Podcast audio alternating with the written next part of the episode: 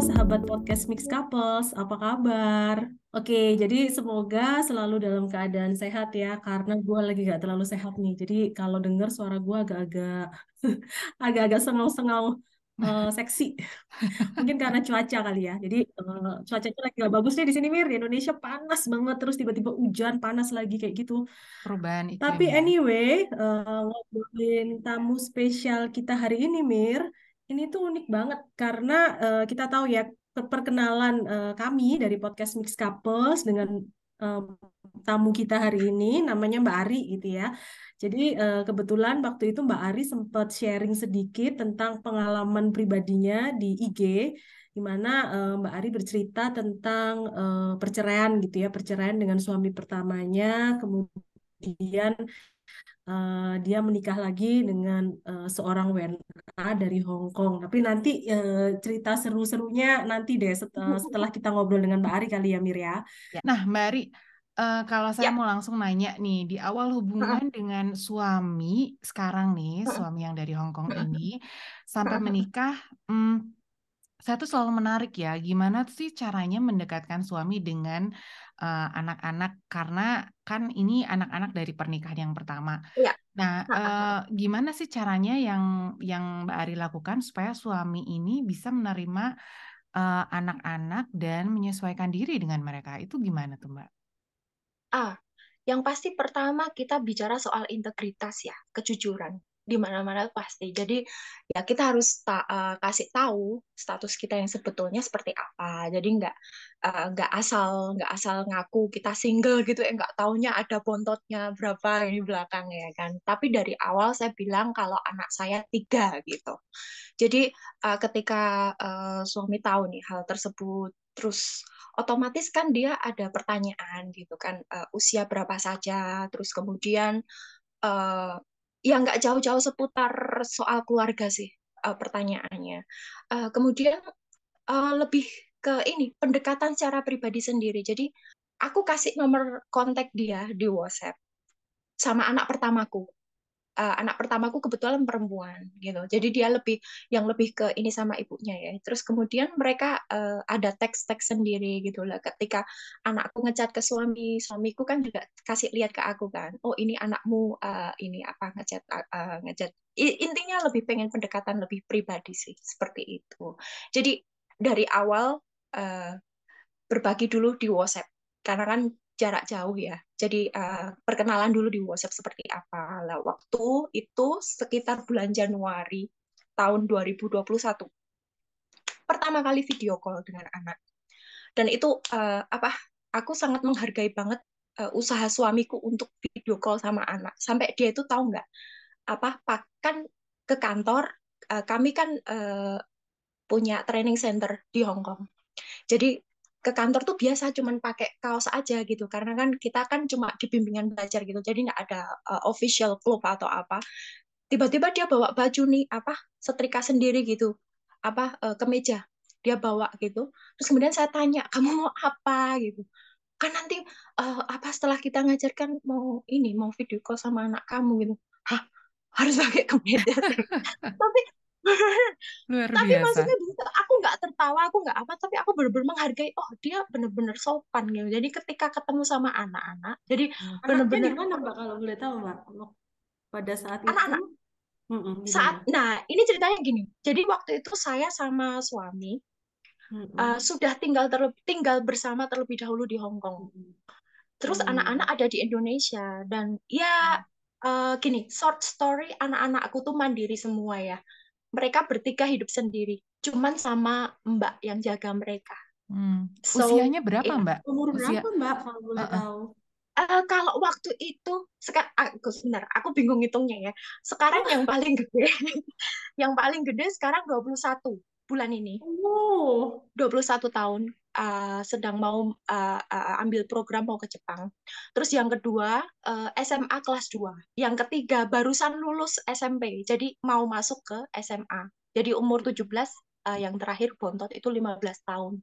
Jadi waktu itu uh, posisinya uh, mereka hidup sendiri itu sejak 2015 aku cerai ya. Kemudian um, uh, ikut sama ibuku, bukan ikut sama ibuku, jadi ibuku yang mengasuh mereka waktu itu, menjaga, membantu saya mengasuh mereka. Tapi ya ada sedikit story yang nggak enak sampai akhirnya ibuku meninggalkan mereka. So aku benar-benar di posisi yang oke, okay, let's say everyone left me gitu. Jadi aku bener-bener aku berjuang struggle dengan duniaku dan anak-anakku udah. Jadi mereka bener-bener independen, hidup sendiri dan mandiri. Makanya ketika aku punya uh, pasangan baru, aku ini loh, ini ini aku gitu. Jadi aku buka semuanya gitu tentang keadaanku, tentang anak-anakku gitu. Jadi ketika suamiku tahu hal seperti itu, namanya kan kita tahu ya culture-nya kita dengar hal seperti itu mungkin satu hal yang ah udah biasa kali di Indonesia banyak orang susah gitu.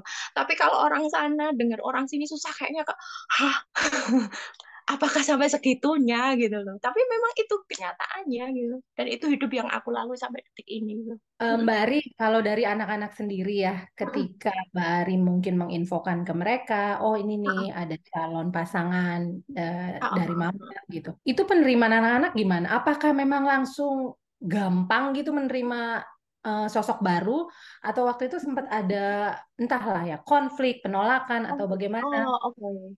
To be honest, anakku tuh nggak ada yang namanya penolakan, nggak ada apa. Mereka cuma bertanyanya satu hal seperti ini.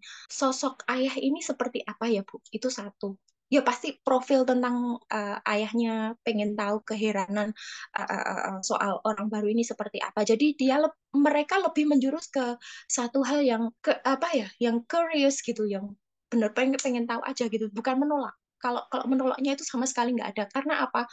Mereka tuh respect banget sama saya sejak dari mereka kecil karena mereka tahu nih ibunya tuh orangnya seperti apa seperti itu jadi lebih ke lebih menghormati uh, pilihan ibunya seperti itu. Walaupun kadang saya kan pasti aja pertanyaan gitu, kira-kira gimana nak gitu loh ada ini.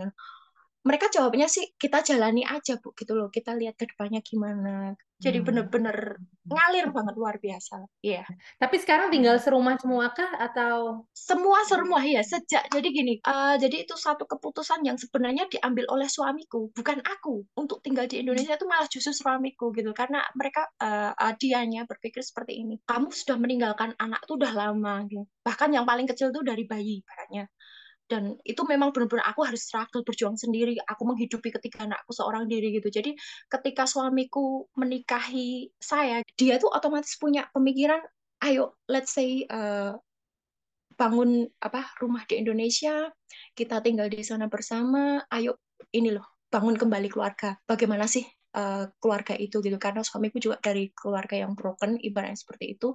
Jadi dia tidak mau menjadi orang tua yang gagal nggak mau jadi suami yang gagal. Kayak aku juga aku nggak mau jadi ibu yang gagal aku juga juga tidak mau menjadi istri yang gagal karena aku pernah ibaratnya seperti itu. Jadi sama-sama nih dari semua orang ini berkumpul jadi satu, bangun satu keluarga di sini. Ya sama-sama kita sekarang ini sedang apa ya? Sedang beradaptasi satu dengan yang lain walaupun beberapa bulan ini hmm, konflik sih nggak pernah. Maksudnya sih sampai konflik cuman ada sedikit yang harus aku penyesuaian soal culture-nya uh, ayahnya dengan anak-anak dengan culture-nya Indonesia juga yang suamiku juga harus pahami itu gitu. Jadi ya memang benar-benar kita semua saling belajar. Tapi ya itulah tadi harus ada uh, saling menghargai satu dengan yang lain. Kalau ada perbedaan sih nggak nggak terlalu mencolok banget sih. Semuanya Mari. bisa dibicarakan dengan baik. Ya penasaran nih karena kan tadi Mbak Ari ngomongin tentang beda culture ya. Karena kan iya, ya betul. suami dua ini kan orang asing lah ya kita ngomongnya ya. ya, ya. Itu tantangan paling besar apa Mbak sama uh, antara uh, suami gitu ya dengan anak-anak yang berkaitan dengan culture gitu. Kalau orang Jawa itu maaf ya, aku aku memang medok ini. Kalau orang Jawa itu sukanya tuh sungkan, iya loh. Oh, sukanya iya. nggak mau ya. ngomong terus terang. Oh. Lah sedangkan kita kayak saya terbiasa di luar negeri, terus kemudian aku open mind gitu. Aku tahu nih, aku harus membedakan, memposisikan diri ketika aku di Hongkong seperti apa, ketika aku di mana harus seperti apa, ketika di Indonesia aku harus gimana, ya kan? Nah, sedangkan untuk suamiku sendiri, aku membukakan begitu banyak pengetahuan tentang culture di Indonesia, tentang tata krama kita di sini, tentang ya otomatis tentang agama, adat istiadat dan lain-lain. Ibaratnya seperti itu suamiku udah tahu gitu. Tapi kalau anak-anak kan mereka belum pernah ber ber apa berinteraksi dengan warga negara asing secara langsung ya. Jadinya kan kalau misalnya keterbukaan loh, kayak suamiku tuh kan kalau ngomong kan caces caces yo. Gimana ya? Langsung ini ini ini ini gitu. Kadang itu kan mak jelek ke anak gitu. Kok ayah kok anu yo gitu. Terus saya bilanginnya gini lah ada mending ayahmu tuh ngomong terus terang. Misalnya kayak e, anakku uh, suka ngegame terus misalnya yang nomor dua gitu. Itu langsung ngomong gitu. Ah Feb Feb mbok jangan ngegame terus nak. Lebih baik exercise gitu kan. Itu misalnya apa cari kegiatan atau apa kamu ke mana kamu ngedet kayak gitu. Kadang malah disuruh ngedet gitu loh. Kan maksudnya di luar negeri ya itu hal yang wajar gitu. Kalau di sini lah kan anak-anak tuh yang namanya pacaran itu kan maksudnya dalam apa ya kan hal yang lah ini loh culture Indonesia oh pacaran tuh apa? Jangan sih luar negeri mm, pacaran itu dalam pengertian kan bukan hal yang ma maaf yang bukan hal yang nggak baik gitu. Maksudnya ini hanya untuk ber apa ya berkomunitas hanya untuk berkomunikasi bersosialisasi ya kan? Seperti itu loh. Jadi culture-culture seperti ini yang mungkin agak ini loh uh, bukan membingungkan sih. Cuman ya kasih pengertian aja kadang kayak kayak suami saya ke uh, anak-anak saya bilang nggak apa-apa sih lebih baik kamu ngomong apa adanya kalau memang saya nggak suka nggak pasti nggak apa-apa lah terus kalau aku ke anak-anak aku juga ngomong apa adanya kalau ayahmu kalau dedi baru ngomong agak ini sedikit itu bukan karena benci ya, maksudnya memberitahu nih loh, mana yang benar, mana yang baik. Supaya apa? Kalian itu terdidik. Karena selama ini nggak pernah yang namanya punya figur seorang ayah yang mendidik, mengayomi, menyayangi, juga melindungi. gitu. Suami saya backgroundnya kan edukator ya, seorang pendidik ya, karena punya bimbingan belajar waktu kita di Hong Kong. Jadi dengan dunia anak-anak, dengan uh, bukan kenakalan ya, dengan karakteristik yang unik dari setiap anak-anak dari apa pun itu kan kami sudah memahami gitu, maksudnya pengertiannya itu sudah besar. Jadi kalau mm, nggak ada kesulitan yang berarti sih untuk menghadapi ketiga anakku ini. Jadi semuanya everything is okay gitu aja. Uh, terima kasih banget nih sama Mbak Ari yang sudah menghubungi kita dan hmm. ingin menceritakan uh, versi hidupnya gitu ya, yang pasti kita bisa belajar banyak. Nah, Sebelum kita tutup nih Mbak Ari, kita ingin lagi kita selalu minta tips ya dari para uh, apa namanya narasumber kita gitu ya. Apa nih kalau misalnya Mbak Ari bisa share tips supaya hubungan um, apa namanya anta uh, untuk ayah uh, ayah yang baru gitu ya peran ayah yang baru ini untuk anak-anak supaya bisa berjalan dengan baik seperti uh, seperti yang diceritakan oleh Mbak Ari. Kira-kira apa nih tips? Tiga tips yang bisa di-share Mbak untuk para sahabat mixed couples. Oke, okay, tiga tips ya. Uh, singkat saja, yang satu menjadi seorang pendengar yang baik. Nggak selalu kita sebagai orang tua harus terus kasih tutorial ke anak gitu, tapi kita harus benar jadi pendengar. Yang kedua, harus jadi sahabat yang baik. Nggak cuma suami, tapi juga untuk anak gitu. Jadi kalau di saat suami kita uh, apa pengen sesuatu yang harus dia utarakan, otomatis kan kita harus bisa jadi kayak apa ya kayak penjembatan gitu. Lah sebagai seorang sahabat yang baik kan kita harus bisa menjembatani kan. Jadi kalau intinya kita bisa membawa pengaruh yang baik untuk suami, untuk juga ke anak gitu. Jadi kitanya nih yang uh, yang di tengah nih. Jadi kayak aku fungsinya di tengah-tengah ini aku harus bisa menjadi uh, penjembatan bagi mereka sebagai mm-hmm. sahabat yang baik untuk suamiku dan juga untuk anak-anak. Terus yang ketiga harus ada yang namanya respect dan diskusi yang baik. Hmm. tanpa hmm. peng, tanpa menghargai perasaan yang lain tanpa tanpa uh, satu komunikasi atau diskusi yang baik maka ya lambat laun yang namanya uh, satu hubungan itu bisa broken juga gitu ya kan? Hmm. jadi harus membangun apa uh, respect sama diskusi yang baik lah kalau ya. di tengah-tengah keluarga gitu. Kalau di tengah keluarga yang mix ini ya. Tuh tips yang yang tips yang ini banget ya. Tapi aku juga sepakat sih biasanya sebagai seorang ibu aku suka menganalogikan kita itu kayak kancing kita yang menyatukan berbagai berbagai betul, elemen dalam dalam keluarga betul, untuk bisa stick together gitu. Iya, jadi kayak jadi kayak sebagai penjembatan itu penting banget. Iya, Oke, okay, uh, eh, kalau begitu kayaknya demikian diskusi kita di episode kali ini. Thank you banget Mbak Ari, thank you ya. banget. Semoga tetap lancar-lancar ya hubungannya Amin. dengan suami yang WNA dan juga dengan anak-anak. Dan hmm. untuk pendengar mix couples lainnya yang ingin berbagi atau pengen kasih ide kita mau membahas uh, tema apa, silakan kayak Mbak Ari juga kan bisa langsung colek-colek kita gitu ya di Instagram mixcouples.id atau kirim email ke mixcouples.id at gmail.com. Oke, okay, see you next time. Thank you Mbak Ari. Thank you, thank you Mbak Ari.